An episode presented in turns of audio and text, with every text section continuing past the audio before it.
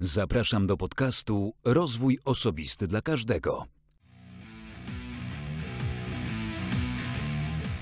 Ja nazywam się Wojciech Struzik, a wysłuchacie właśnie 43 odcinka podcastu Rozwój Osobisty dla Każdego, który nagrywam dla wszystkich zainteresowanych świadomym i efektywnym rozwojem osobistym. Dzisiaj moim gościem jest Sandra Martynów, która w tak prostych słowach przedstawia znaczenie i wpływ prowadzenia budżetu domowego na hmm, finanse domowe i nie tylko, że naprawdę chyba już nie ma wymówek, nawet dla tych, którzy uważają, że nie prowadzą budżetu, bo nie mają podstaw ku temu, nie mają wystarczających środków ku temu, żeby oszczędzać, aczkolwiek to słowo oszczędzać też nie jest najlepszym tutaj do tego i być może właśnie ono powoduje, że bardzo wiele gospodarstw domowych nie prowadzi w ogóle budżetu. Nawet te gospodarstwa, które na co dzień, hmm, może inaczej, nawet te gospodarstwa, w których jedna z osób mm, wnosząca środki do budżetu świetnie prowadzi budżet w przedsiębiorstwie, w którym pracuje, ale w domu już jest to trudniejsze. Coś o tym wiem. Dlatego zapraszam do wysłuchania mojej rozmowy z Sandrą, gdzie rozmawialiśmy nie tylko o kwestiach budżetowych, ale myślę, że ta część może być najbardziej interesująca, bo Sandra przedstawia to w bardzo, bardzo prostych słowach. A zatem nie przedłużając, zapraszam do wysłuchania naszej rozmowy. Wszystkiego dobrego.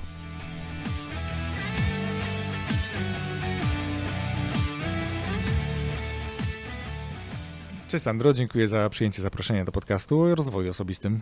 Cześć Wojtek, bardzo mi miło, że mnie do tego podcastu zaprosiłeś. Cieszę się. Nasza wspólna znajoma ma całą listę gości, z którymi e, poleciła mi spotkać się i mhm. przyznam, że z niektórymi faktycznie tą listę realizuję. Dziękuję mhm. Ci Agato przy okazji za to. O, jak nawet się zrymowało. Tak. E, ale... Pozdrawiam Agatę tutaj w te. ale przejdźmy do Ciebie. Teraz jakbyś mogła nam się przedstawić, nam mówię mniej słuchaczom, e, jak się nazywasz i czym się zajmujesz. Jasne. Nazywam się Sandra Martynów, a zajmuję się praktykowaniem planowania finansowego. To już, bo nawet nie zdążyłem napić się wody. to taka była wersja skrócona. Yy, praktykowanie planowania finansowego, tak? Co to jest? Yy, w ogóle nazwa yy, praktykowanie planowania finansowego, nazywana przeze mnie w skrócie PPF, to jest taka nazwa, którą jakby ja wymyśliłam sama dla siebie, yy, dlatego że pomyślałam, że jest różnica między planowaniem finansowym a praktykowaniem planowania finansowego na zasadzie, jak mamy zdrowe żywienie, a jakby to, że ja się zdrowo odżywiam. Mhm. W związku z czym tak ten termin rozwinęłam. E, no i na czym to polega? No generalnie na tym, że e, jestem osobą, dla której ważne są poczucie bezpieczeństwa, poczucie stabilizacji oraz takie poczucie sprawczości. Zatem praktykuję planowanie finansowe od ponad 20 lat e, i kiedy widzę korzyści, jakie mi to daje, to stwierdziłam, że jaką wiedzą chciałabym się dzielić z innymi. No i od jakichś dwóch, może trzech lat robię to w taki sposób już bardziej świadomy i zorganizowany. Dlaczego mówię, że robię to w taki sposób bardziej świadomy? Ponieważ wcześniej jakby też to robiłam, natomiast chyba nie do końca zdawałam sobie sprawę z tego, co robię. Y, był taki czas, kiedy moi przyjaciele czy znajomi mówili, że o niczym innym nie mówię, jak o planowaniu budżetu mhm. Y, i że mam nawet to w krwiobiegu, padały gdzieś tam takie, takie określenia. Natomiast skoro ja to robiłam i było mi z tym dobrze i widziałam z tego fajne efekty, no to po prostu mówiłam o tym dalej. Y, I też nadszedł taki czas, kiedy zaczęłam się tym zagadnieniem zajmować również w sferze zawodowej. Mianowicie jakby to, co praktykowałam ze swoimi zespołami, to kiedy uczyłam ich y, zarządzania swoim budżetem w życiu prywatnym, widziałam, jak to mega fajnie przekłada się na ich y, podejście do pracy, na podejście do, do zadań, które im daję. Y, I skoro widziałam, że to fajnie chodzi, fajnie hula, no to zaczęłam po prostu się też tą wiedzą dzielić na coraz szerszym gruncie. Mhm. Napisałaś nawet o, tym książkę. Tak, napisałam nawet o tym książkę. Tą, tą książkę już mieliśmy okazję, czy ja miałem okazję mm, rozdać słuchaczom, bo dostałem ją od Agaty. A, I dzisiaj mam ją od ciebie, również dla słuchaczy, więc później ogłosimy sobie konkurs na tą książkę i drugą, którą też przyniosłaś.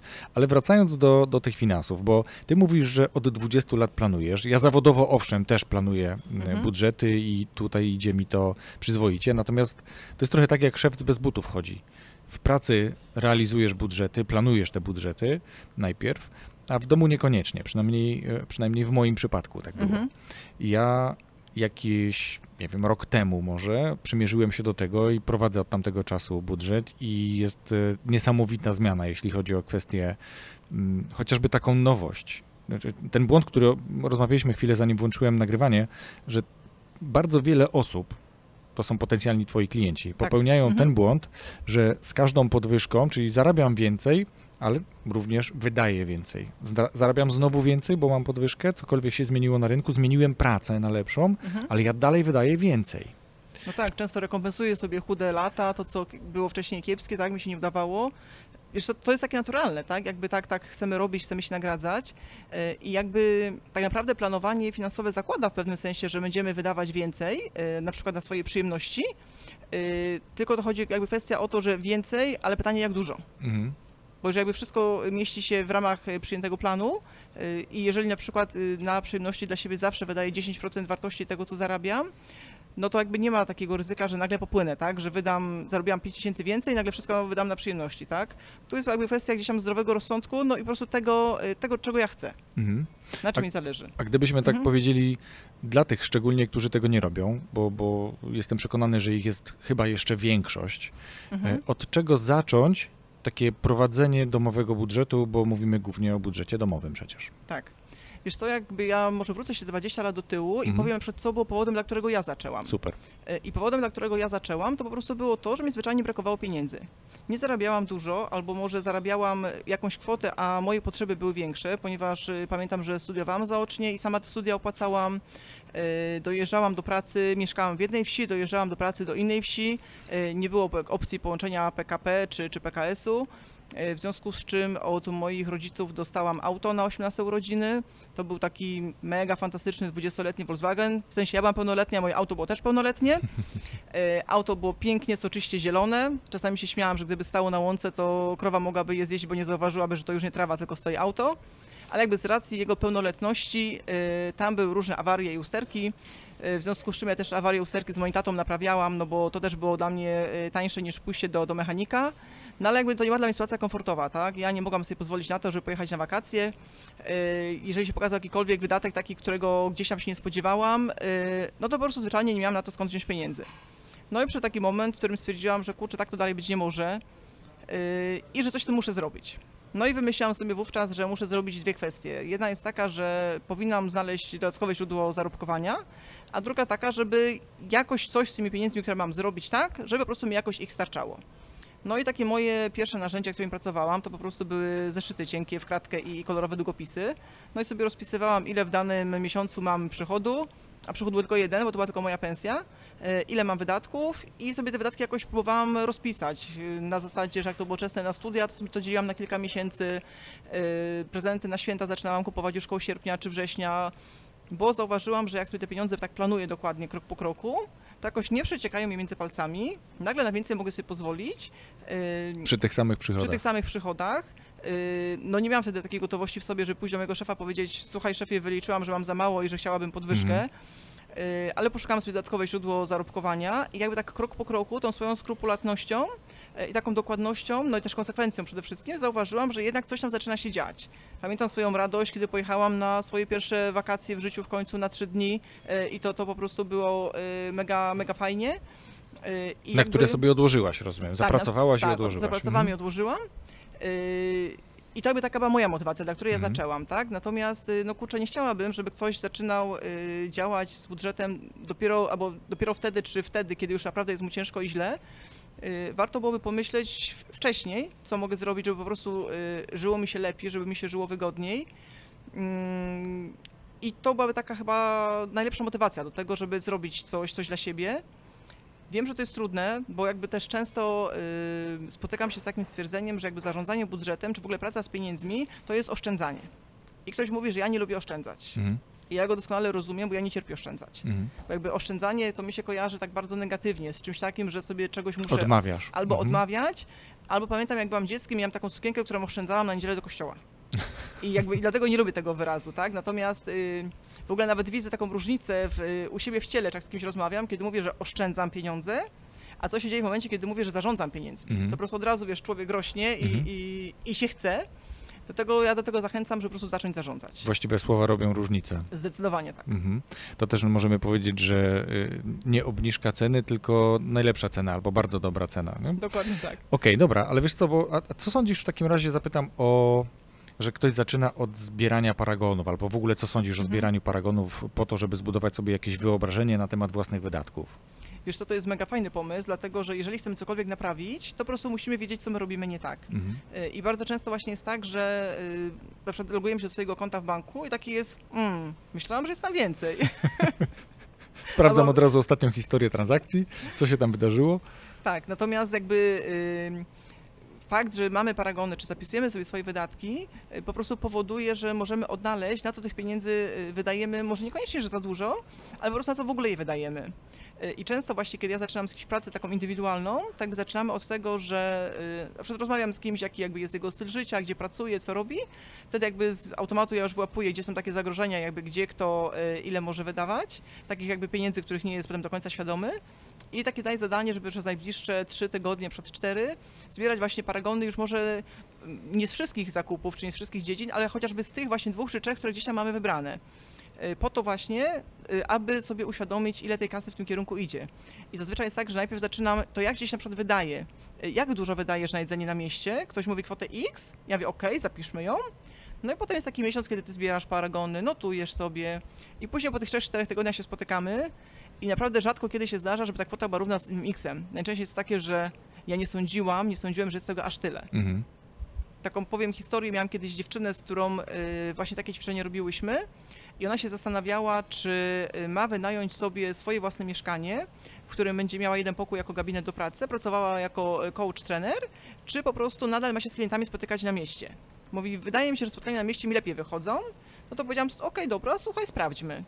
Y, Po miesiącu okazało się, że ta kwota, którą wydaje właśnie na kawę z klientem na mieście, na jakąś tam sałatkę, bo coś przekąsi, daje wartość dokładnie taką, jaką jest wynajęcie mieszkania na miesiąc. Mhm.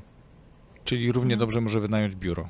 Tak. Mhm. Czyli na przykład może wynająć sobie mieszkanie, w którym jedno pomieszczenie ma jako miejsce do pracy i w tym momencie jakby ma dodatkowe oszczędności przede wszystkim czasu, bo już nie musi nigdzie pójść, nie musi nigdzie jechać, nie musi szukać miejsca parkingowego, ale też już nie wydaje na przykład y, pieniędzy tyle na paliwo, bo nie musi dojeżdżać, no i już nie ma tych kaw, herbat, bo to jakby ma u siebie w domu, y, inaczej ją to po prostu kosztuje. No tak, no wiemy ile kosztuje zrobienie kawy w domu, a ile kosztuje kawa na mieście. No właśnie. Albo inaczej, ile możemy zrobić kaw z paczki kawy za 15 zł, Mhm. a to są jedna lub dwie kawy na mieście. Tak. Dobrze, powiedz mi Sandro w takim razie, bo znaczy, ja zapytałem dlatego, że ja od tego zacząłem. Mhm. Ja popełniłem ten błąd, że przez wiele lat, to już mówiłem o tym, nie, nie planowałem w żaden sposób swojego budżetu. Mhm. Przede wszystkim trzeba było zapłacić wszystkie koszty, które są standardowymi Mhm. kosztami funkcjonowania, cała reszta zostawała do ostatniego, czy też do dziesiątego, do pierwszego, jakkolwiek Mhm. sobie to datujemy. No i im bliżej tej daty, tym kupeczka mniejsza. Powiedz mi, jakie, jeżeli tak się coś udało zrobić, jakie sukcesy możesz odnotować swoich klientów co do Mhm. tego, jakie kupeczki zostają już później na koniec Mhm. tego miesiąca? I czy, y, drugie pytanie od razu, mm, co sądzisz o tym, żeby najpierw płacić sobie? Okej, to zacznę od tego pierwszego pytania. Mhm. Jakby tutaj przykładów, y, no mam różnych, y, różnych ciekawych kilka, które chętnie opowiem. Y, Jeden opowiem taki y, bardzo, bardzo może specyficzny, ciekawy, ponieważ y, czasami słyszę coś takiego od osób, że jakby nie mogę zacząć właśnie odkładać tych pieniędzy, czy, czy oszczędzać tego słowa ciągle osoby używają, bo jakby ja nie mam z czego tego zrobić. Mhm. I był taki czas, kiedy przez pół roku prowadziłam w Lesznie zajęcia dla podopiecznych z opieki społecznej. To był taki projekt realizowany przy Wydziale Rewitalizacji Miasta Leszna. I te osoby właśnie przez pół roku uczestniczyły w moich zajęciach i była tam taka pani, która bardzo duży sukces odniosła. Już mówię, na czym on polegał. Y, Zajęcia nasze przedostatnie to były zajęcia takie przełom listopada-grudnia i my wtedy pracowaliśmy nad tym, y, mówiąc w skrócie, jak zrobić święta Bożego Narodzenia i nie zbankrutować. Mhm. Bo jakby to jest takich kilka momentów w roku, gdzie jakby tracimy Zastaw się, a postaw tak, się. zdrowy rozsądek i jeszcze a to, a to, a Tak, tamto. tak, tak. Więc my wtedy bardzo dokładnie wyceniliśmy całą kolację wigilijną, popatrzyliśmy ile trzeba pieniędzy na to, żeby kupić wszystkie składniki spożywcze. I potem spotkaliśmy się w styczniu i jakby każdy po kolei podsumowywał jakby co, co on zrobił i, i co jak poszło. Yy, No i się okazało, że ktoś tam mówi, yy, no wyłamałem się, a ja pojechałem do mamy na święta, a mi to nie poszło. Yy, A ta pani Kasia, która była samotną matką, ja ciągle nie pamiętam, czy ona miała czworo dzieci, czy pięcioro, natomiast była taka spora gromadka razem z nią, powiedziała, że ona na całe święta założyła kwotę 1000 złotych. W tym 1000 złotych miała przeznaczone po 100 złotych na prezent dla każdego dziecka. Miała przeznaczoną całą pulę na jedzenie i jeszcze jakieś tam miała inne rzeczy zaplanowane. I ona rzeczywiście zmieściła się w tym 1000 złotych. Yy, Mało tego, ona sobie ten 1000 złotych wcześniej odłożyła, jakby sukcesywnie, krok po kroku. No i po prostu te święta w tym budżecie zrobiła. No i ja nawet jak teraz o tym mówię, to już było ze 2-3 lata temu, mam takie ciarki, że o ja pierdzielę, Mhm. bo to jakby jest takie y, pokrycie na to, co ja mówię, taki dowód, że naprawdę każdy może, jeżeli po prostu chce. Mhm. Jeżeli pani Kasia to zrobiła, to tak naprawdę no, każdy z nas kurczę może to zrobić. E, Ja tym pani Kasi obiecałam, że będę o nim mówić jakby wszędzie i głośno i, i w ogóle i kto tylko będzie chciał słuchać, to pani Kasi posłucha. W związku z czym, kiedy pisałam rozdział do książki Królowa Strategii, która tutaj e, leży przed nami, to przykład pani Kasi w tej książce jest przedstawiony i w moim niezbędniku przykład pani Kasi również y, przytaczam, jako właśnie takiej osoby, która pokazuje, że można. Mhm. Mało tego, to y, co to jeszcze dało pani Kasi? Oprócz tego, że ona y, zrobiła sobie święta za takie pieniądze, za jakie chciała, y, my na tym spotkaniu bardzo mocno nagrodziliśmy ją brawami. Ja przygotowałam prezent, niespodziankę dla niej. Y, I ona po prostu bardzo mocno zaczęła wierzyć w siebie, w swoje możliwości. Y, Powiedziała, że to już w ogóle koniec z tym, że ona siedziała w domu i nie pracowała, że jak tylko podchowa jeszcze trochę młodsze dziecko, to na koniecznie iść do pracy. Powiedziała tym paniom z opieki społecznej, bo one przychodziły na zajęcia razem z tymi podopiecznymi, że najchętniej pracowałaby z nimi, bo jakby, bo mówi, bo już mam pojęcie o tym, mówi, znam z tej jednej strony, to teraz nauczę się z tej waszej. E, Ja też wtedy nalegałam na to, aby każdy z tych kursantów wyznaczył sobie taką nagrodę, którą się doceni właśnie za pracę, którą zrobił. I pani Kasia wymyśliła sobie, że to ona się zorganizuje na swoje takie pierwsze wakacje z dziećmi. E, I wtedy właśnie w styczniu, kiedy świętowaliśmy te jej sukcesy, powiedziała, że mówi, już teraz idę na siłownię, mówi, e, tyle, tyle procent w moim budżecie jest na moje przyjemności, to to będzie ta siłownia, na tej plaży jakoś muszę wyglądać. E, I faktycznie był taki czas, że ja spotkałam ją jakiś czas później i po prostu za nie mówiłam, bo pani Kasia zgubiła ze 20 kg spokojnie, wyglądała no po prostu no, mega atrakcyjnie. W związku z czym, no to jest taki przykład, który lubię podawać i, i, i chwalić się nim i, i Kasią, no bo naprawdę kawał dobrej roboty zrobiła. Mhm. Ja chciałem na chwilę wrócić znowu do, do, do Mhm. Kasi, czy wrócić, nie wrócić, mówimy o pani Kasi, Mhm. E, ale przy okazji tego budżetu, bo tak myślę, że ludzie niejednokrotnie myślą sobie o tym, no tak, budżet, czyli co, podzielę sobie swoje wynagrodzenie, swoje dochody na to, co muszę zapłacić i Mhm. albo mi coś zostaje, albo nie i coś z tym robię. Mhm. E, A to nie do końca moim zdaniem tak jest, bo cały sukces polega na tym, że my planujemy z wyprzedzeniem. To, to co zrobiła pani Mhm. Kasia. Bo można powiedzieć, ok, w grudniu mam taką samą wypłatę jak w październiku i styczniu, ale mam większe wydatki, bo mam święta, Mhm. bo mam prezenty, bo jest jedzenie. No i jak ja mam ten, tą samą wy- wypłatę zagospodarować na większe wydatki, które są w grudniu? No tą wypłatę to ja zaczynam gospodarować od sierpnia na przykład, tak? Czy nawet jeszcze wcześniej. I- Gospodaruję i, ją i stale po tak prostu. działa właśnie Mhm. budżet, również w tym rozumieniu mm, budżetu domowego. Tak, i tu jakby jest drugie pytanie, które mi zadałeś, co myślę o tym, aby najpierw płacić sobie, Mhm. no to jakby to jest podstawa, tak? Jakby na tym opiera się całe zarządzanie, że w momencie, jeżeli załóżmy jestem pracownikiem etatowym, na przykład 10 wpływa moja pensja, to ja tego 10 po prostu siadam y, i po prostu ją planuję, tak? Y, Wiem, jakie są y, kategorie, które jakby gdzieś tam wymagają zaopiekowania na co dzień, bo jakby co się dzieje w momencie, kiedy my robimy ten drugi schemat, który ty przytoczyłeś, no to jakby wydajemy na tak zwane bieżące wydatki. Dokładnie. Wszystko i- jest wtedy bieżącym wszystko, wydatkiem. tak. Jedyny plus, jestem świadom tych wydatków, wiem co ile mnie Mhm. kosztuje, ale nie przygotowałem się do tego wcześniej. Teoretycznie, bo czasami już tak, że ktoś na przykład nie jest świadomy tego, ile wydał na jedzenie, no nie? No ale powiedzmy, Mhm. że jesteśmy już krok dalej, czyli ja już Mhm. mniej więcej na podstawie swoich paragonów Aha, zbieranych okej, wcześniej, no. już wiem mniej więcej jaką mam strukturę kosztową swoich wydatków domowych, Mhm. E, ale nie planuję, w sensie nie odkładam wcześniej, tak? No, no, Nie no. odkładam e, sukcesywnie na ubezpieczenie samochodu, czy ubezpieczenie Mhm. domu, czy, czy cokolwiek takiego większego. Nie odkładam na podręczniki dziecka do szkoły, Mhm. tylko planuję, że je wydam z, wy, z wypłaty, nie wiem, sierpniowej lub, lub wrześniowej, tak?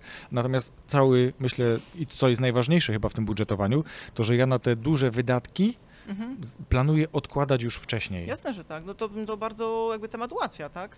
Jeżeli yy, nagle potrzebuję kupić coś dużego albo chcę coś kupić lub po prostu zdarzyło się, że muszę kupić, tak? No na przykład czasami się zdarza, że pralka się zepsuje. Mhm. No to to jakby to jest y, czasami, y, czy często gęsto na przykład taki wydatek, który dźwignąć z jednej pensji może być trudno. W momencie, kiedy jakby założyłam sobie, że y, odkładam sobie na takie y, większe wydatki, tak zwane, no to wtedy jakby po prostu jestem do tego przygotowana, tak? Mhm. Tak jak też y, fajnie wspomniałeś o tym ubezpieczeniu samochodu, bo jakby y, wiele wydatków jest takich, których po prostu my jesteśmy świadomi i my wiemy, że one będą. Dlatego, że jeżeli mamy auto, to wiadomo, że raz w roku płacimy y, ubezpieczenie, tak? Jeżeli mamy y, dziecko y, i to dziecko pójdzie do szkoły, no to my wiemy, że potrzebujemy kupić podręczniki, tak? Jeżeli ja mam córkę, która ma teraz 16 lat, czyli matematyka prosta sprawa, za dwa lata będzie miała 18.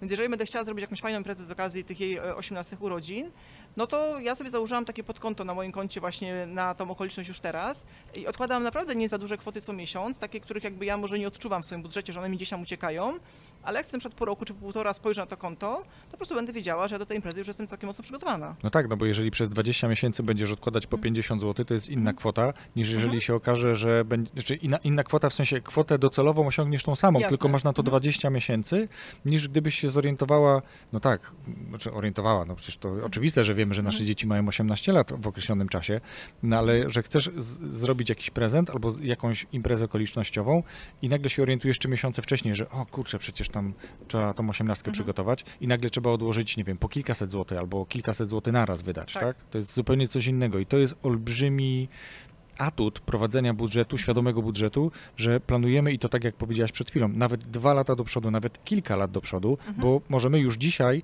y, na przykład wymyśleć sobie, że aha, dobra, mój samochód ma już 10 lat, może mi jeszcze dwa lata pojeździ, a może 5, Na to najwyższy czas Mhm. zacząć odkładać na, na, na zmianę samochodu na przykład. Tak. Ja mm, bardzo lubię sobie tworzyć takie podkonta na moim koncie głównym w banku i zawsze jest tak, że jakby ile tych kont maksymalnie mogę założyć, tyle je zakładam. Yy, I że przed teraz jest tak, że jakby do jednego z nich nie miałam takiego jeszcze docelowego y, przeznaczenia, więc po prostu nazwałam sobie to konto coś fajnego. Mhm. I po prostu nazwałam to coś fajnego, y, jakby środki gromadzę. I to jest też taki jakby jeden ze sposobów, o którym też często mówię na zajęciach, że jeżeli jesteś osobą, której jakby ciężko się przełamać do tego, żeby jakieś te pieniądze co miesiąc odkładać, to jakby y, staraj sobie się, staraj sobie ten proces jakby jak najbardziej osłodzić. I co mam tutaj na myśli? Jakby jedna kwestia jest taka, że zacznij odkładać na coś takiego, na co naprawdę masz ochotę. I to bardzo często są wakacje. Jakby, no lubimy na wakacje wyjeżdżać, w związku z czym y, często jest tak, że jak wracamy z wakacji, to już może myślimy o tych, co, co będzie za rok, więc jakby na ten cel sobie ludzie pieniądze odkładają, y, ale też jakby odkładać w jaki sposób, tak? Y, I też jakby ja do tego zachęcam, żeby na przykład nie trzymać się sztywno tego, że przeczytałam w jakiejś książce, że to musi być podkonto, a więc ja to robię na podkonto, tylko jeżeli ty lubisz na podkonto, to kładziesz na podkonto, tak? Jeżeli ktoś inny lubi świnkę skarbonkę, kładzie do świnki skarbonki. Ktoś chce do słoika, kładzie do słoika, no jakby możliwości jest jakby wiele. Chodzi Ja- o sam fakt. Tak, chodzi o sam fakt. Ja, na przykład ja bardzo lubię te podkonta, dlatego że y, dużo operuję jakby bezgotówkowo, jest mi tak łatwiej. Natomiast y, też robię coś takiego, że te moje podkonta fajnie nazywam. Jakby mogę każdemu z nich nadać osobną nazwę, w związku z czym one się nigdy nie nazywają na przykład wakacje 2020, bo to jakby nie ma żadnych emocji w sobie. Mhm. Y, ale takie nazwy, które pamiętam z tych moich podkąt, na przykład były Słoneczna Italia, albo y, z moją przyjaciółką kiedyś planowałyśmy, że pojedziemy na Wezuwiusz we dwie, no to to podkonto nazywało się Zobaczę Wezuwiusz. I ja faktycznie, kiedy przelewałam sobie co miesiąc y, pieniądze na to podkonto, to ja po prostu, ja czułam, że my na ten Wezuwiusz się wspinamy. Ja po prostu wręcz widziałam, jakie mamy buty ubrane, że są takie stabilne, że nam się kostka nie wyślizgnie. Ja po prostu czułam zapach wydobywający Taka projekcja już tego tak, wyjazdu. taka Mhm. mega, mega silna wizualizacja i to naprawdę jakby bardzo, bardzo mocno przybliża i, i, i zachęca. I faktycznie y, często o tym przykładzie chociażby o Wezuwiuszu mówiłam na zajęciach różnych y, i uczestniczki mówiły, że one wręcz czuły, że na ten Wezuwiusz idą razem ze mną. Mhm. Także to po prostu y, Działa. działa. Dlatego to taka moja zachęta, tak? Jeżeli jest coś, czego może nie tyle, że nie lubisz, ale po prostu boisz się tego, to po prostu zacznij małym krokiem i kojarz sobie to pozytywnie. Mhm. I co jeszcze też ważne, wyznacz sobie nagrody za to, że, że to osiągniesz, że to Mhm. zrobisz. A to samo w sobie nie będzie już nagrodą? Trzeba jeszcze dodatkową nagrodę do tego sobie wymyśleć na przykład? Wiesz co, y, pewnie i byłoby już jakąś nagrodą, natomiast y, to też jakby tak gdzieś jest nasz mózg skonstruowany, że lubi, jeżeli za jakby za trud, który y, podejmujemy, jest jakaś nagroda, tak? I ta nagroda nie musi być jakaś taka bardzo duża czy bardzo droga. To czasami może być drobiazg, tak? Mhm. Tą nagro- przed nagrodą może być to, że y, wezmę sobie dzień wolny, cały dzień sobie przeleżę w hamaku i będę pić koktajl truskawkowy i się cieszyć. Mhm. I to już na przykład jest No tak, bo nagroda, wiesz nie? co, to chyba chodzi o to, że jeżeli zbierasz na jakiś cel przez na przykład rok, Mhm. No to rok to jest taki bardzo długi okres czasu i Mhm. mówimy o tej nagrodzie, że jeśli ja to dobrze rozumiem, że Mhm. możemy sobie na przykład co trzy miesiące, jeśli będzie to przyrastało tak jak chcemy, to nie wiem, Tak. idę sobie na fajną kawę. No i to jest super Albo pomysł. gdzieś tam Mhm. pójdę sobie do kina, tak? Tak. I, I co trzy miesiące, jak tylko tam będzie przyrastało Mhm. zgodnie z oczekiwaniami, to ja sobie daję tą nagrodę, tak? Tak, ja na przykład często właśnie chodzę sobie na kawę sama ze sobą, bo tak po prostu lubię. Mhm. Yy, I właśnie czasami jest to w nagrodę, czasami jest po prostu po to, żeby się na czymś zastanowić, przemyśleć. Natomiast y, czasami też mam takie wrażenie, że y, wiele osób mówi, że jakby nagroda to musi być coś takiego bardzo dużego. Że nagroda to musi być wyjazd do spa, albo to musi być nie wiem co tam jeszcze. Mhm. Yy, pójście na jakąś imprezę, czy na koncert, czy jakby coś, co jakby gdzieś tam już kosztuje kilkaset złotych. I też właśnie pamiętam z y, zajęciami z też z tej opieki społecznej, raz jeszcze temat y, przytoczę.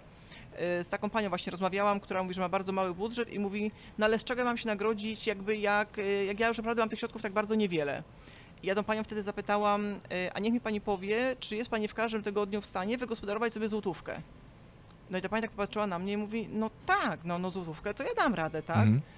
A ja zapytałam tą panią, y, a kiedy pani ostatnio poszła sobie do, do ciastkarni czy piekarni po chleb i kupiła pączka i sobie siadła w tej ciepłej ciastkarni, gdzie fajnie pachnie i pani tego pączka po prostu sobie zjadła, patrząc na to, jak sobie ludzie spacerują ulicą, pomyślała pani o czymś miłym, czy pomyślała pani o wnukach. I ta pani na mnie popatrzyła, oczy jej się zrobiły mokre i mówi nigdy. Mhm. I, I mówi do mnie, ja pójdę na tego pączka. I po prostu y, to I pokazuje, to będzie że... ta nagroda. Tak, i to będzie ta nagroda, tak? Mhm. Dobrze, powiedz mi Sandro, bo mówimy o takich bardzo ciekawych rzeczach, ale gdybyśmy chcieli to rozłożyć na takie czynniki pierwsze trochę, Mhm. to z jednej strony mamy dochód i mamy Mhm. stałe koszty. Stałe Tak. lub niestałe, Mhm. ale mamy, mamy koszty. I świetnie, jeśli już zrobiliśmy ten krok do przodu i mamy świadomość tych kosztów. Mhm. Ale później mamy takie co najmniej dwa narzędzia, czyli mogę popracować nad sobą i spróbować uzyskać większy dochód, Mhm. czyli tak jak ty zrobiłaś, dodatkowe zajęcie na, przy, na Tak. przykład. No i druga rzecz, od której niejednokrotnie ludzie zaczynają, to redukcja jakichś kosztów. Mhm. Ja zredukowałem na przykład koszty telewizji, ponieważ zdaliśmy sobie sprawę, że nie oglądamy już takiego szerokiego, szerokiego przykład. pakietu Mhm. kanałów. Dzieci już były duże, już nie oglądaliśmy bajek. Do tej pory już ich, tych, tych bajek nie oglądają, więc mogliśmy dokonać oszczędności i to taka, taka oszczędność, bym powiedział, chyba na poziomie 30-40 zł miesięcznie. To jest moim zdaniem bardzo duża No, w oszczędność. skali roku to już A w skali 500 roku to już jest bardzo Mhm. duża oszczędność. A na czym najczęściej można i Mhm. najbardziej efektywnie się oszczędza, jeśli mówimy o takim zdroworozsądkowym podejściu do, do tych kosztów? Mhm. Wiesz co, takie jakby kwestie takie najczęstsze, y, to powiedziałabym tak, to jest jedzenie na mieście Mhm. lub na przykład y, tak zwany pan kanapka w miejscu, w którym pracujemy, więc jakby zabieranie swojego posiłku z domu. To jest jakby taka kwestia, gdzie rzeczywiście sporo nam może w budżecie zostać. No tak, my w domu Mhm. zrobimy sobie kanapkę pewnie z plasterkiem, jakieś wędliny, z serkiem, bułka, nawet masełko, nawet na bogato, Mhm. gdybyśmy zrobili, to pewnie to będzie kosztowało ze 2 zł, 2,50, No, tak? no, A pan no, kanapka mhm, to pewnie tak z 7, nie? Tak, Mhm, okej. więc jakby to jest taka kwestia. No bo to wiesz, namacalnie od razu widać, nie? Mhm. Poświęcę trochę czasu, bo tą kanapkę muszę w domu zrobić, ale z drugiej strony ile to trwa? No, umówmy Mhm. się. No ale tu już mam zaoszczędzone konkretne pieniądze razy miesiąc, razy rok. Tak, poza tym też yy, przed powód, dla którego ja zaczęłam zabierać swoje jedzenie do pracy, to była też taka kwestia, że jakby dojrzałam do takiego momentu w moim życiu, kiedy zaczęło jakby mi zależeć na tym, że ja wiem co jem yy, i jakby często właśnie sama, czy upiekłam sobie bułki na przykład, bo, bo chciałam mieć takie jakby wiadomego pochodzenia, Mhm. czy przygotowałam sobie obiad, bo chciałam mieć regularnie, w związku z czym, y, żeby w pracy móc zjeść obiad, no po prostu musiałam go albo przynieść ze sobą z domu, y, albo kupić go gdzieś y, w kawiarni czy w restauracji, w związku z czym y, przygotowywałam te posiłki. Więc jakby to jest taka jakby jedna kwestia.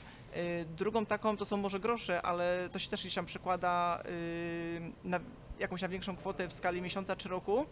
To jest wyeliminowanie y, foliowych opakowań na zakupy. Mhm. Jeżeli faktycznie przestawimy się na takie bawełniane torby i nie kupujemy wszystkich reklamówek, foliówek, papierowych toreb i tak dalej, i tak dalej, no to też jest jakaś kwota, która nam w portfelu zostaje, a przy okazji fajne jest też to, bo dbamy o środowisko. Dokładnie. Y, Ja też zawsze jestem zwolenniczką tego, żeby rezygnować jakby z takich kosztów, których jakby ponoszenie jest zupełnie bez sensu. Mhm. Czyli są to dla mnie y, płatne konta w banku. To to w ogóle y, uważam, że jeżeli moje pieniądze leżą w banku i, i bank jakby operuje środkami, które są w jego posiadaniu, to jeszcze płacić za to, to to już w ogóle jest, co najmniej uważam, nieporozumienie. Mhm. Dlatego zawsze do tego zachęcam, żeby, żeby rezygnować z takich kont. Y, I też od razu powiem, bo czasami ludzie mówią, że ja muszę mieć konto w tym banku, bo ja mam tam kredyt. Mhm. I z racji tego, że mam kredyt, no to na przykład bank co miesiąc pobiera mi kwotę 1200 zł. Na co ja mówię, no dobra, ale przecież możesz to zrobić w taki sposób, że załóżmy wpływa ci pensja w, na przykład w wysokości 5000 co miesiąc, a kredytu płacisz 1000 zł. No to jeżeli pensja ci wpływa na przykład 10, to y, poszukaj sobie bank taki, w którym będziesz mieć konto, za które nie musisz płacić i ustaw sobie na tym swoim pierwotnym koncie stałe takie zlecenie, że 15 dnia miesiąca 4000 zł przelewać się do tego drugiego banku. W swoim banku, w którym płacisz za konto, zostaje ci 1000 na kredyt, czy jakby warunek spełniłeś, czy spełniłaś. A tamte pieniądze trafiają ci do innego banku, w którym nie musisz płacić za konto. Mhm. Ale można banki- też zmienić w tym banku, gdzie się ma kredyt, można pewnie zmienić ranking czy rangę jakby tego konta na, na Mhm. takie proste konto, bo tam jest tylko jeden przelew, który sobie pobiera bank sam. Na Nie przykład, robimy no. Mhm. płatności, więc możemy mieć najtańsze konto, bo te najtańsze konta zwykle mają operacje płatne, Mhm. tak?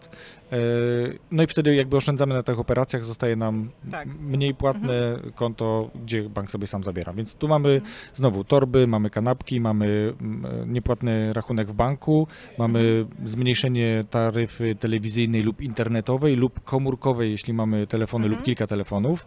Co jeszcze? Co jeszcze?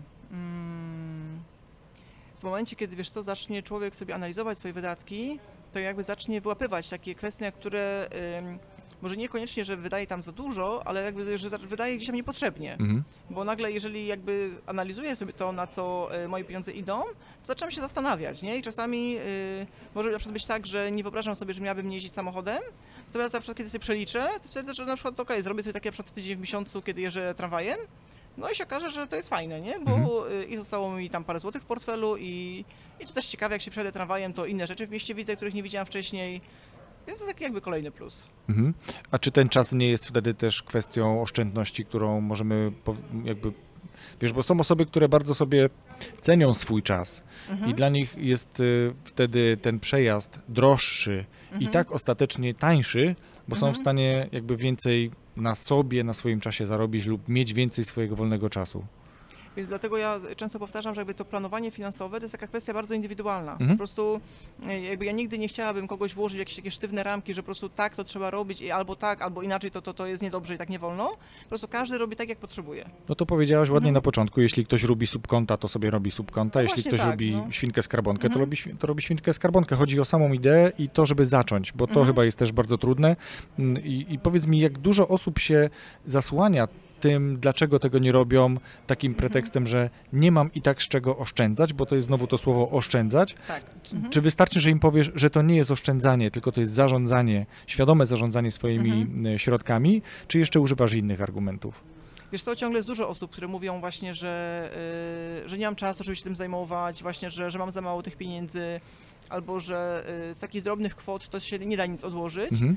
Natomiast jakby y, właśnie też kiedy pisałam swój niezbędnik, to jakby wiedziałam, że przychodzą takie momenty, kiedy właśnie człowiek ma takie zwątpienie, że nawet jakby jak już zaczął tą pracę z finansami, to przyjdzie jakiś taki moment, że jest mu trudno, albo coś tam mi nie poszło, chciałabym sobie coś kupić nagrodę. Y, i jakby mm, tak konstruowałam tą książkę, ponieważ niezbędnik jest taką książką, z którą się pracuje przez 52 tygodnie, jakby jest przygotowany każdy tydzień po kolei, kiedy właśnie sobie rejestruje swoje wydatki, podsumowuje, przede wszystkim y, planuje, jakby tak zaczyna się, tak jest układ książki, że jakby nowy tydzień rozpoczyna się od planu na nowy tydzień, a potem jakby jest jego wykonanie i realizacja, co się krok po kroku działo. Mhm. I y, po to to robię, żeby mieć jakby świadomość, co się po, po kolei z pieniążkami działo.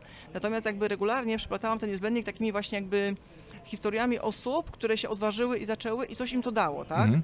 Pamiętam, jak kiedyś na zajęcia przyszła dziewczyna, która powiedziała, że y, ona ma pieniądze na lokacie w banku i ona wie, że może tej lokaty dużo nie ma, natomiast dla niej jakby to daje takie poczucie bezpieczeństwa, stabilizacji i ona tak to chce mieć.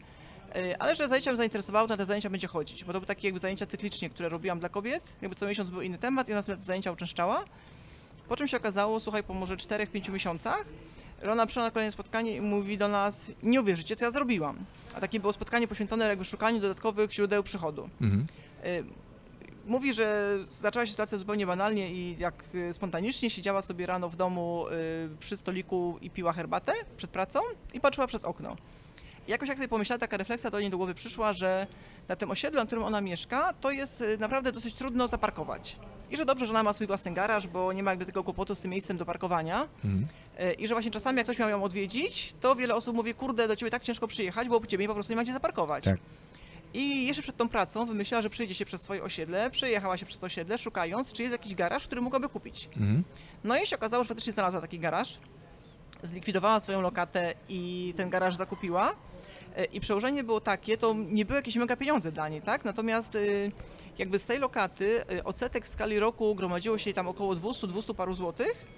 E, a w tym momencie ona zaczęła mieć mniej więcej tyle za jeden miesiąc wynajmu garażu. Bo rozumiem, że ona ten garaż kupiła po to, żeby komuś go odnająć. Tak, bo ona swój garaż miała, więc kupiła drugi, który Okej. wynajmowała. Czyli jakby wyjęła pieniążki z lokaty, tak, kupiła za to garaż i ten garaż wynajmowała, w związku z czym tyle, co miała po lokacie po roku, nagle miała po miesiącu wynajmowania garażu. Czasami można nawet zrobić taki ruch, że ja jestem w stanie zrezygnować, mówię ja jako ktokolwiek, tak, Mhm. że mam swój garaż, ale mam problem z pozyskaniem dodatkowego przychodu, Tak. no to mówię, dobra, no to ja ten garaż opróżnię, jakby będę miał jakiś dyskomfort, moje auto będzie stało na, na, pod chmurką, Mhm. ale ja w ten sposób będę odzyskiwał jakieś drobne kwoty, no bo wynajęcie garażu dzisiaj to jest kwestia, nie wiem, 150-300 zł pewnie No gdzieś, dokładnie nie? tak, Zależy no. jeszcze pewnie gdzie. Mhm. A czasami się zdarza tak, że są ludzie, którzy mają garaż, nie mają auta i, i jakby I tam mają już spiżarkę. na przykład, albo po prostu nie mają tam nic takiego szczególnego, bo na przykład jakby nikt nie wpadł na taki pomysł, żeby im podpowiedzieć, jakby sami takiej możliwości nie zauważyli, że ten garaż można wynająć. Tak? Jasne. To tak jak często y, na przykład y, wysyłasz dziecko na studia do innego miasta, y, kupujesz mieszkanie na przykład w kredycie, które chcesz, by docelowo było jego mieszkaniem, a na przykład na to mieszkanie zarabia inny student, który mieszka w pokoju obok i za wynajem po prostu spłaca ratę kredytu za mieszkanie na przykład. Mhm. Albo się dogadują i płacą po prostu mniejszy, mniejszy czynsz Mhm. za to mieszkanie razem. Dobrze.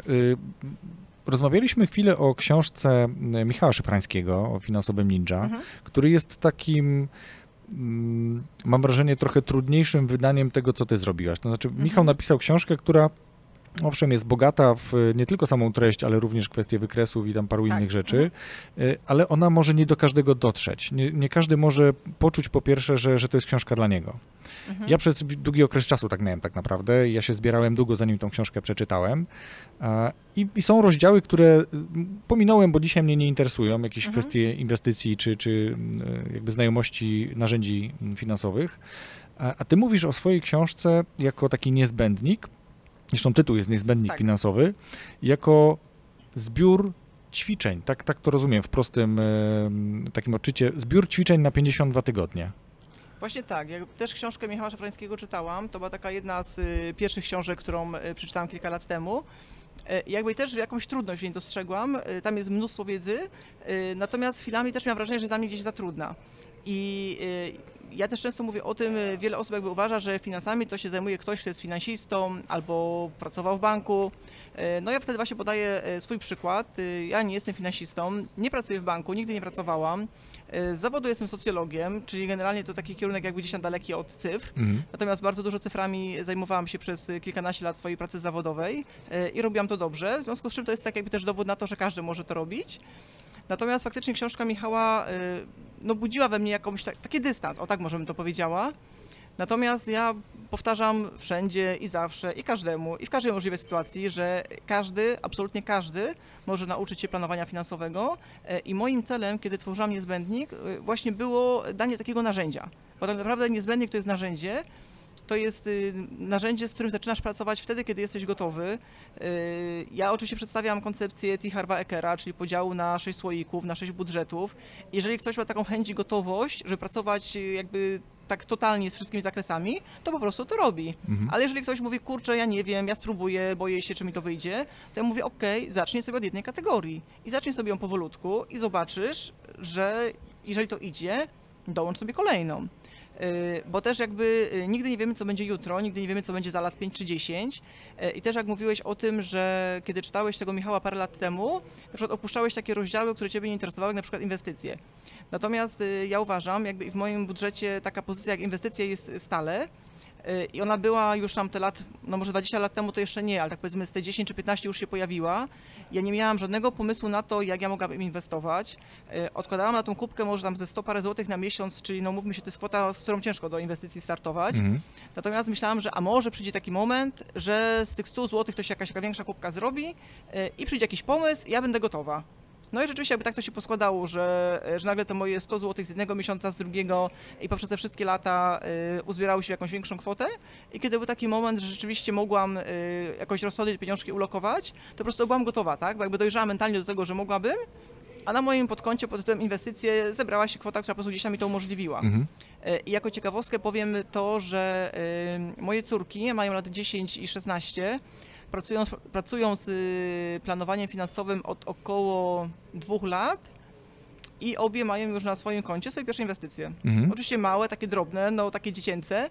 Natomiast jest tak, że kiedy y, daję córkom kieszonkowe co tydzień, y, to jakby to kieszonkowe z automatu jest dzielone na trzy kubki. Y, Właśnie pierwsza kubka to są takie drobne przyjemności, czyli to są takie, mam ochotę na loda w szkole albo coś mi się tam spodobało, jakaś maskotka, chciałam sobie ją kupić. E, Druga kubka to właśnie są większe wydatki, e, czyli tam sobie córki gromadzą na coś takiego większego, tak? Czy mają ochotę kupić coś dla siebie, czy to jest też tak, że jak e, wyjeżdżamy na wakacje, one zawsze jakby są zobowią- zobowiązane do tego, żeby mieć jakąś swoją pulę pieniędzy, czy na przykład to są środki, z których kupują dla babci prezent pod choinkę, jeżeli mają Mhm. taką ochotę. Ale trzecia kubka to jest taka jakby kubka inwestycyjna, I to jest jakby taki, taki pojemniczek, on najczęściej jest bardzo mocno zamykany, z którego jakby tych pieniędzy nie można wyjąć tak długo, dopóty się nie ma pomysłu na to, jak te pieniądze pomnożyć. Mhm. I kiedy ja o tym moim dzieciom powiedziałam, to starsza przyjęła to ze spokojem. Yy, Gdzieś tam po prostu poszła sobie to przemilczeć, przemyśleć. Teraz moja młodsza córka, która jest taka bardzo yy, emocjonalnie otwarta, no to bardzo się zdenerwowała na mnie. Krzyczała, że chce się dorobić jej kosztem i co ja w ogóle wymyśliłam i że to jest straszne i że ona nigdy nic nie wymyśli. Potem y, ochłonęła, potem była fala takich najróżniejszych pomysłów, najdziwniejszych i bardzo ciekawych i czasami bardzo odważnych, y, czyli były pomysły i tego, że będzie lemoniadę przed domem sprzedawać, ale przed to moja młodsza córka zaczęła wyprzedawać wszystkie swoje ciuchy, w których już nie chodzi, więc y, to jakby gdzieś tam zaczęła swoje pierwsze biznesy robić. A i pierwsza inwestycja polegała na tym, yy, krótko po tym jak wprowadziłam ten cały system, yy, okazało się, że jechaliśmy na tydzień czy półtora do Włoch na kemping razem ze znajomymi, tam w dwie czy trzy rodziny chyba jechaliśmy. I w tej jednej rodzinie było w sumie chyba czworo małych dzieci. I moja córka wymyśliła sobie, ona robi bardzo dobre sałatki owocowe, że ona kupi składniki te, co może jeszcze tutaj w Polsce, resztę dokupiła sobie we Włoszech i robiła te sałatki.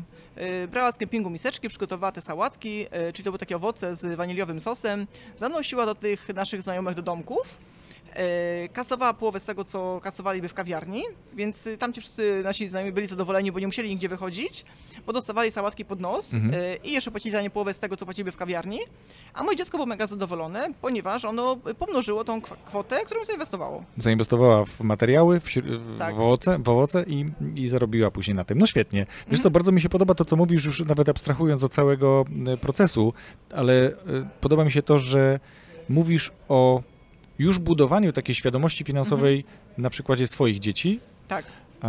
Bo to jest taki, myślę, problem nas dorosłych. Nie wiemy, w którym momencie byłoby dobrze już mówić. Ja kiedyś Mhm. e, słuchałem takiego podcastu, później też trochę jakiejś audycji w radiu, gdzie ponoć dzieci od drugiego czy trzeciego roku życia już zaczynają dotykać pieniądze, już zaczynają jakby zdobywać jakieś doświadczenie, kiedy wiedzą, że trzy małe pieniążki, a jeden duży pieniążek, to, to już jest jakby różnica, nie? Bo, Mhm. bo dzieci bardzo często mają coś takiego, że ja mam tu pięć pieniążków, Tak, to ja, mam, dużo. to ja mam dużo Mhm. i ja nie chcę tego jednego od taty Mhm. na przykład, nie? Ja nie chcę 5 zł, bo tu mam dwa razy, czy tam trzy razy po 50 groszy. Mhm. Y, I, I kiedy zaczniemy z małymi dziećmi już pracę, to one jakby wcześniej budują sobie tą świadomość. A ty już na takich e, swoich dzieciakach 10 i 16 to, no dobra, 16 to już jest, e, że tak powiem, duże dziecko, Mm, ale to jest taki bardzo dobry przykład, gdzie można nie tylko uczyć ludzi dorosłych, którzy mają Mhm. swoje dochody, ale też uczyć dzieci, które mogą nauczyć się dysponować już poprzez swoje mm, kieszonkowe. Tak, i wiesz co, to jest mega ważne, ponieważ jakby jak spojrzymy na nasze pokolenie, kiedy jakby my dojrzewaliśmy, dorastaliśmy, no to były takie czasy, gdzie w sklepach jeszcze za wiele nie było. Ja pamiętam doskonale te czasy, kiedy stałam w kolejce za pomarańczami czy, czy, czy za mięsem, Mhm. E, więc jak gdzieś udało się coś kupić, to po prostu było mega wow. E, I dopiero jakby później się okazało, że e, zaczęła się gospodarka wolnorynkowa i nagle wszystkiego było dużo. Ale jakby my też za dziecka, przynajmniej ja byłam tak bardzo często, y, słyszałam takie hasła typu pieniądze szczęścia nie dają, lepiej być bo, biednym, a uczciwym. I jakby, i to była taka nasza, powiedziałabym wtedy, taka ichniejsza edukacja finansowa. Mhm.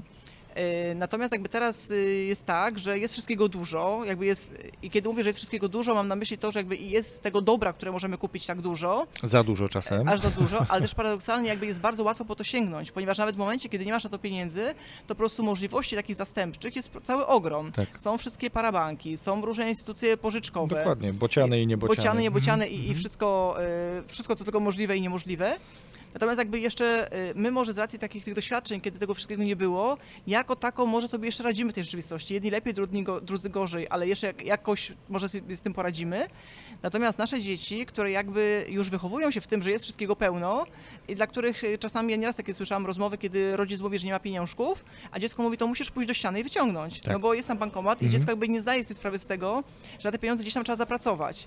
Dlatego ja uważam, że jeżeli my nie nauczymy naszych dzieci y, podstaw edukacji finansowej, to, y, no to wyrządzimy im taką dużą krzywdę, która potem po prostu może być nie do nadgonienia, nie do nadrobienia. Mhm. Chciałem skończyć ten wątek wcześniej, bo to, co powiedziałaś teraz tą wypowiedzią, Mhm. to jest właśnie, myślę, że to mogę tak spiąć taką klamrą, klamrą, to jest trochę tak jak w samolocie, jeżeli cokolwiek się dzieje i wyskakują maski, Mhm. to rodzic najpierw musi założyć maskę sobie, tak. tak? Czyli tutaj w Właśnie. tym przypadku Mhm. rodzic najpierw musi zbudować sobie swoją świadomość tego, jak zarządzać finansami, Mhm. żeby móc później dzielić się tą wiedzą z dzieckiem.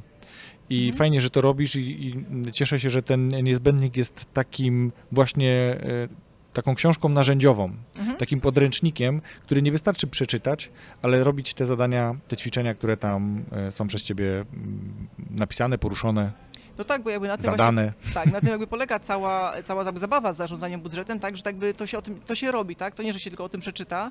Yy, I też jakby jeszcze do tej kwestii z pracy z dziećmi wrócę, bo yy, długo, długo było tak, że w ogóle nie rozmawiało się o pieniądzach, tak? Przecież dżentelmeni o pieniądzach nie rozmawiają, tak? Mhm. Kobiety to już w ogóle, więc jakby o czym tu mowa. I na przykład sama taka kwestia, że w domu z dzieckiem rozmawiamy o pieniądzach, tak?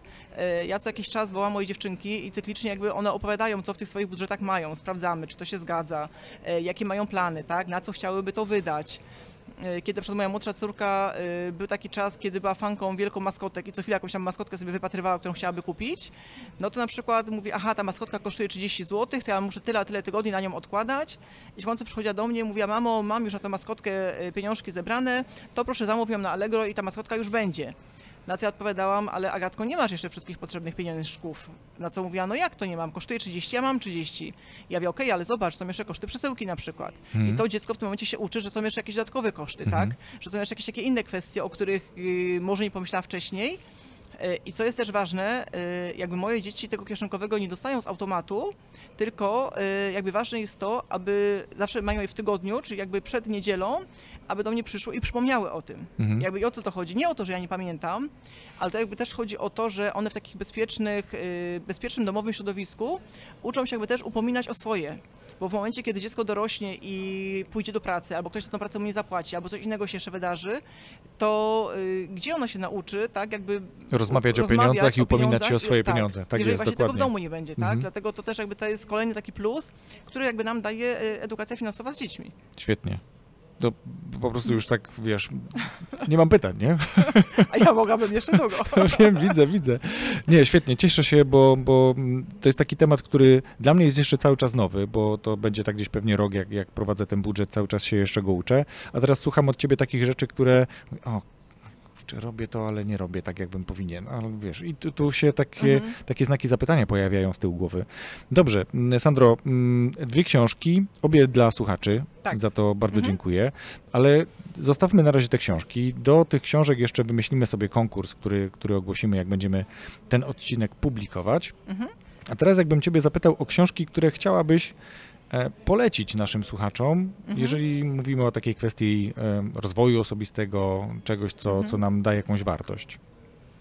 Okej, wiesz co, taką książką, jeszcze do finansów wrócę, to była Świetnie. taka pierwsza książka, którą y, czytałam, to była książka Kiyosakiego Bogaty Ojciec, Biedny Ojciec y, i to była książka dla mnie taka, po prostu potrząsnęła mną bardzo mocno i bardzo dużo jakby sobie gdzieś tam po niej przewartościowałam, wiele rzeczy też zrozumiałam. Natomiast jakby, y, o czym chciałabym jeszcze powiedzieć, to y, mam takie wrażenie i jakby i trudno mi też y, coś z tej literatury też może polecać, ponieważ tak mi się wydaje, że jakby dużo książek, czy takich publikacji, czy w ogóle szkoleń, czy wykładów, warsztatów w temacie finansów, jakby y, uczą w takim kierunku, że podążaj do drogi wolności finansowej. I mam takie jakby wrażenie, że jeżeli ktoś nie jest na to gotowy, żeby do tego podążać, to jakby to nie ma gdzieś tam nic pośrodku.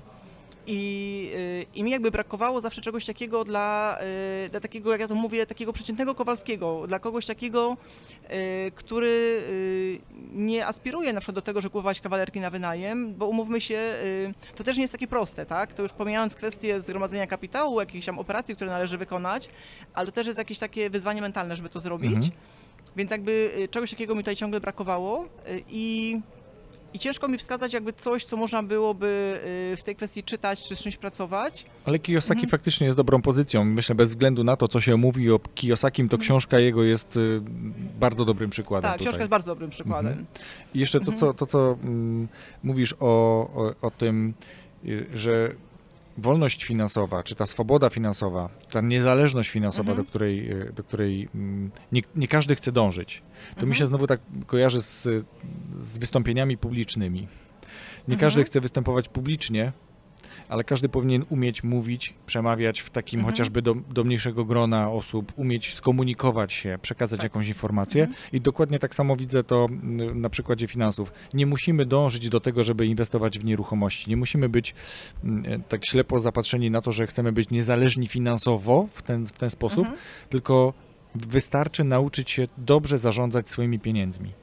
Tak, i wiesz co, bardzo fajnie to porównałeś, bo ja powiedziałam jeszcze coś takiego, że czasami mówiąc właśnie o wystąpieniach publicznych, y, ludzie mają na myśli to, że kiedy ja występuję publicznie, to znaczy, że ja staję przed ludźmi i mówię do nich, Mhm. tak? Albo ja na przykład ym, udzielam wywiadu komuś. A tak naprawdę jakby występujemy publicznie zawsze i wszędzie. Bo w momencie, kiedy ja jako mama rozmawiam ze swoimi dziećmi, ja też występuję przed nimi publicznie, tak? Jeżeli y, jestem menadżerem i spotykam się ze swoim zespołem, ja też występuję przed nim publicznie, w związku z czym jakby y, nie da się uciec od wystąpień publicznych, tak samo jakby nie da się uciec od tego, żeby się pieniędzmi zajmować. I teraz jakby to, nawet miałam takie, y, tak bym to może podsumowała, że jakby jest coraz jakby więcej dziedzin takich, w których jakby się okazuje, że to y, budżetowanie tak zwane, czyli zarządzanie budżetem prywatnym y, jest tak bardzo istotne, bo jeżeli na przykład teraz spojrzymy na, y, na menadżera, który zarządza swoim zespołem, takie bardzo ciekawe badania czytam, ostatnio wyniki badań, y, nie przytoczę ich teraz z nazwy, ale gdyby co, to po prostu podam Ci później, gdzie, gdzie ja te wyniki znalazłam. to. Tak? Mhm. I to było takie badanie, które mówiło o tym, y, jak trudno dzisiaj motywować pracowników do pracy. I rzeczywiście jest to faktycznie y, zadanie, y, no jest to wyzwanie na, na dzisiejszym rynku pracy, ponieważ jakby jeszcze to, co motywowało parę lat temu, czyli y, auto służbowe, karnet na siłownię, to jakby to już w ogóle przestaje działać. No i tak naprawdę specjaliści od, od motywowania drapią się po głowie, co by to mogło być. No i te badania pokazują jakby jednoznacznie, że są takie trzy podstawowe potrzeby, które y, należy zaspokoić pracownikom, aby czuli się zmotywowani i chętni do pracy. Y, Pierwsza z tych potrzeb to jest taka potrzeba, aby pracować y, mniej, a mądrzej. Czyli jakby to już nie jest to, że spędzamy w pracy od świtu do nocy po kilkanaście godzin na dobę i dobry pracownik to jest taki, który z firmy generalnie nie wychodzi i tam jeszcze najlepiej śpi. Tylko jakby chcemy czegoś innego. Y, Drugą potrzebą, o której była mowa, to była taka y, równowaga między y, pracą zawodową a, a życiem osobistym. Pamiętam swoją mapę marzeń, którą robiłam chyba 3-4 lata temu i tak wtedy takiego obrazka nigdzie nie znalazłam, ale wtedy właśnie czułam, że jest dla mnie tak ważne i jakby na środku tej mapy, w tym takim punkcie, który mówi, że to oto jestem ja, to taką koślawą mam wagę sobie wyrysowałam właśnie, Mhm. ale ja wiedziałam, że ta waga to taka właśnie jest równowaga. A trzecią kwestią, taką bardzo dużą potrzebą y, pracowników, to jest takie właśnie poczucie bezpieczeństwa i stabilizacji.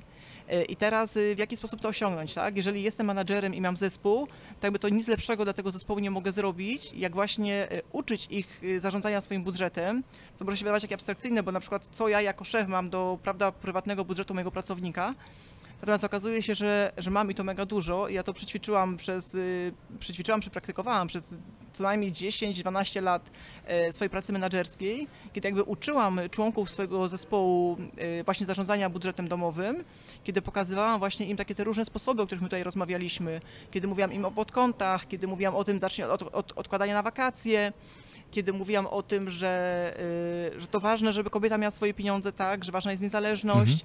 Y, No i potem jakby co się działo. Taką pamiętam jedną sytuację, to taki wręcz był przełom w moim życiu, ponieważ jakby po tej sytuacji y, ja zdecydowałam, że czas jakby wyjść ze swoją wiedzą i doświadczeniem na, na szersze wody i dzielić się tym z innymi. Pamiętam, że to był taki dzień, normalny dzień tygodnia i moja zastępczyni miała pracę zaplanowaną na drugą zmianę i nagle ona po prostu, ona nie weszła do tego mojego biura, ona po prostu wpadła tak całą sobą, po prostu tak wiesz, tak buch i wpadła Z impetem. z impetem Mhm. y, i ja wiedziałam, że coś się dzieje. I ona mówi do mnie, szefowa, szefowa, ty nie uwierzysz, co się stało. No ja sobie pomyślałam, no dobra, dzieje się i mówię, no, no nie wiem, ale czuję, że coś grubego. Ona mówi, no. Ja mówię, no to powiesz mi. Ona mówi, no. Ja mówię, no to. Ona mówi, wiesz co, jest dopiero marzec. Mówi, a ja mam już odłożoną całą kasę na wakacje. Mówi, ja mam tak po raz pierwszy w życiu i mówi, ja bym tego nigdy w życiu nie miała, gdybyś ty non-stop nie gadała, jak ważne jest to twoje planowanie finansowe. To masz. Ja mówię, no to wow. I się okazało, że ona do tego spisku wciągnęła i swojego męża, i swoje, ona to traktowała jako taki spisek, że mi o niczym nie powiedziała, ale przekonała męża i dzieci, że coś takiego będą robić, bo ona mi udowodni, że ona potrafi. Mhm. Więc jak ona mi o tym wszystkim powiedziała, no to po prostu euforia była we mnie taka e, nieziemska i mówię, okej, to, to jest ten temat, z którym trzeba po prostu pójść dalej. I zaczęłam szukać sposobów, jakby to można było zrobić. E, I faktycznie zrobiłam to tak naprawdę z przytupem, bo jak chciałam dalej, to wymyślałam, że organizuję sobie jakieś wystąpienie publiczne. No i faktycznie moje pierwsze wystąpienie publiczne e, to było wystąpienie dla około 600-700 kobiet i to była taka konferencja na Stadionie Narodowym we Warszawie. To była konferencja Polko bądź zdrowsza, gdzie jakby cała konferencja była poświęcona zdrowiu. I kiedy ja e, zadzwoniłam do organizatorki, mówiąc o tym, że chcę wystąpić z moim tematem, to powiedziała, że jej się to nie składa. Mhm. Bo mówi, tam będą ludzie mówić o odżywianiu, będzie mowa o, o tarczycy, o hormonach, będzie mowa o stresie. Mówi, i jak w tym wszystkim to twoje planowanie finansowe? A ja mówię, no jak to jak? I pytam. Wszystkie tematy. Tak, ja mówię, będziecie tam mówić o tym, jak ważne jest y, redukowanie stresu? No tak. A będziecie mówić o tym, jak ważne jest odżywianie? Ja, ona mówi, no tak. Ja mówię, to powiedz mi... Yy, ja Z mówię, czego się to finansuje? tak, ale też mnie do niej zobacz. I potem ja wiem, co z tego, że ludzie się uczą o tym, jak ważne jest uprawianie sportu, jak ważne jest y, zdrowe odżywianie się, jak, jak, jak potem przychodzi coś takiego, że coś się wysypie, ja wiem, potem żrąby lecą ja i wszystko to idzie w diabły, Mhm. w związku z czym to planowanie finansowe jest po prostu mega ważne i tam po prostu to musi być. No i kilka razy na ten temat rozmawiałyśmy, faktycznie to, to wystąpienie zostało przyklepane i ja dla tych kobiet mówiłam. Yy, I jakby to jest y, jedna kwestia, dla której yy, opowiedziałam tą historię. I przykład na drugą historię, kawałek z y, podwórka menadżerskiego. Yy, Tak jak wspomniałam, pracowałam bardzo dużo ze swoimi pracownikami, głównie z menadżerami nad y, wdrożeniem zasad planowania finansowego. I nagle przyszedł taki moment, kiedy ja zauważyłam, że jakby te osoby, mogą być te dziewczyny, bo to właśnie y, pracowałam wtedy z takim kobiecym zespołem, y, one zaczęły zupełnie inaczej podchodzić do swoich obowiązków zawodowych. I co mam na myśli? Okazało się, że nagle one są bardziej odważne. Mają y, takie pomysły, takie bardziej strategiczne, że już jakby koncepcja ich działu na przykład nie zamyka się w danym miesiącu, tylko już myślą bardziej, a co będzie za kwartał, a co będzie za rok. I jakby to wszystko, czego uczyły się prywatnie, one jakby zupełnie, zupełnie nieświadomie zaczęły to przekładać na swój grunt zawodowy. Y, I jakby ja dawałam im też różne zadania, że chciałabym, żeby coś mi oszacowały, czy coś zaplanowały, czy policzyły. Z początku się łapał za głowę, mówił, że o nie, nie, nie, nie, szefowa, tego to ja na pewno nie jestem w stanie zrobić. A ja mówiłam, jesteś w stanie, potrafisz, jak trzeba, to ja ci podpowiem, pomogę. Natomiast chcę, abyś siadła, abyś policzyła, przyszła, do mnie z taką, a nie inną koncepcją, z pomysłem i zobaczysz, że potrafisz. No i faktycznie okazało się tak, że y, one właśnie często jeszcze robiły coś takiego, że na osiągały jakiś sukces, ale jeszcze w ogóle nie, nie do końca sobie, sobie to wiązały z tym działaniem, które gdzieś tam przeprowadziły. No i później na przykład ja z nimi siadałam i mówiłam, zobacz, zrobiłaś to w taki, a w taki sposób, zastosowałaś taką, a taką strategię i masz taki, taki efekt, tak? Ja mówię, kurczę, wow, to jest mega robota, idziemy na kawę i na ciastko. I one tak czasami często siedziały i tak patrzyły na mnie takim wzrokiem, że no faktycznie, zrobiłam. Mhm. Ja mówię, no zrobiłaś. Ja przecież ci mówiłam, że zrobisz. No mówiłaś, szefowa. Ale mi się nie wydawało. Ja, ja widzisz, a ja wiedziałam, że potrafisz. Także jakby tutaj taka moja zachęta do, do menadżerów, aby pracować w ten sposób ze swoim zespołem, ponieważ y, jakby nie widzę lepszego sposobu na to, żeby y, wyzwolić taką kreatywność y, i, i, zwiększyć efektywność swojego zespołu, niż poprzez takie działanie. Mhm. Jest osoba, która przekłada strategię gry w szachy na strategię zarządzania, na, na wszelkie rodzaje strategie. Mhm. Michał. Więc, Michał, dokładnie. Więc Mhm. ty teraz możesz swoją strategię zarządzania finansami Mhm. przekładać również na inne strategie, na to, jak to pięknie się składa, na przykład na rozwój zawodowy, na rozwój osobisty, na, na Mhm. takie właśnie świadome planowanie i dążenie do realizowania celów. O właśnie tak, jeden z warsztatów, który y, jakby przygotowałam, to nazywa się Efektywność Level Up i właśnie jest oparte o praktykowanie planowania finansowego. Świetnie, no ale mi się to podoba. Super. Świetnie, dobrze. To teraz powiedz mi e, na koniec, czy powiedz nam na koniec, Mhm. y, gdyby ktoś chciał jeszcze z tobą porozmawiać, albo na przykład zaprosić cię do, do zaprosić ciebie do siebie, do firmy, albo gdziekolwiek indziej, żebyś Mhm. taki warsztat czy szkolenie zrobiła, to jak się z tobą skontaktować? Wiesz co, najłatwiej na ten moment jeszcze przez Facebooka. Mhm. Y, mam tam fanpage, który nazywa się Sandra Martynów y, Edukacja Finansowa. Mhm. Y, Podlinkujemy. Tak. y, Wkrótce będzie strona już typowo taka y, jakby mówiąca globalnie o tym, czym się zajmuję, ponieważ na ten moment jest strona niezbędnikfinansowy.pl i to jakby jest strona, która mówi y, też trochę o mnie, o projektach, które prowadziłam, o różnych warsztatach, y, których jestem autorką. Y, Prowadziłam też takie warsztaty Kobieta Przedsiębiorcza, to też takie cykliczne zajęcia dla kobiet, które prowadziłam. Właśnie wspomniana opieka społeczna, y, różne wystąpienia, właśnie współpraca z miastem Lesznem. Y, I za krótką chwilę będziemy tą stronę przenosić na taką już stronę, która będzie się nazywała jakby z mojego imienia i nazwiska sandramartynów.pl, ale to jakby jeszcze chwilkę. Mhm. No i tu na ten moment głównie te media. Czyli głównie Facebook i ta strona m, na razie Niezbędnik jeszcze finansowy. niezbędnik finansowy, a za Mhm. chwilę m, twoje imię i nazwisko.pl. Tak. E, LinkedIn też jest?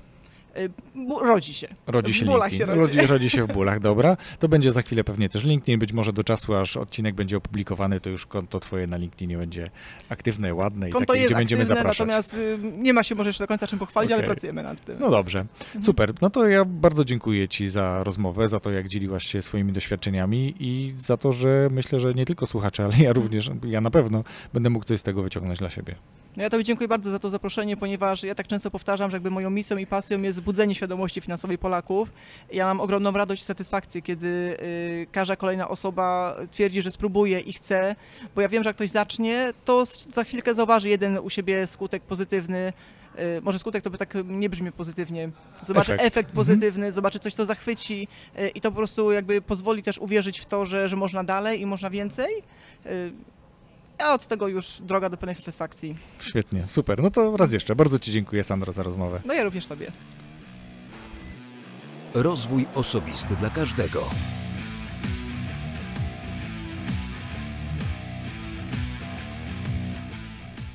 Dziękuję za wysłuchanie tego odcinka.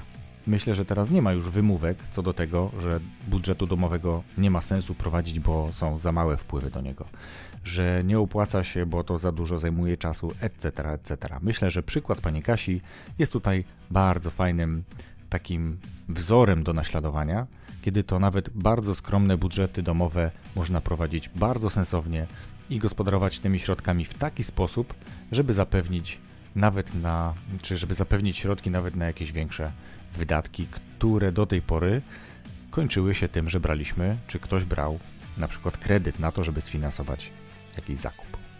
Raz jeszcze dziękuję za wysłuchanie tego odcinka. Serdecznie dziękuję tym, którzy subskrybują i obserwują ten podcast na Spotify i w iTunes. I tych, którzy tego nie robią, gorąco do tego zapraszam. Wystarczy, że wejdziecie na iTunes i znajdziecie podcast Rozwój Osobisty dla Każdego. Wybierzecie przycisk subskrybuj i będziecie na bieżąco otrzymywali informacje o każdym nowym odcinku.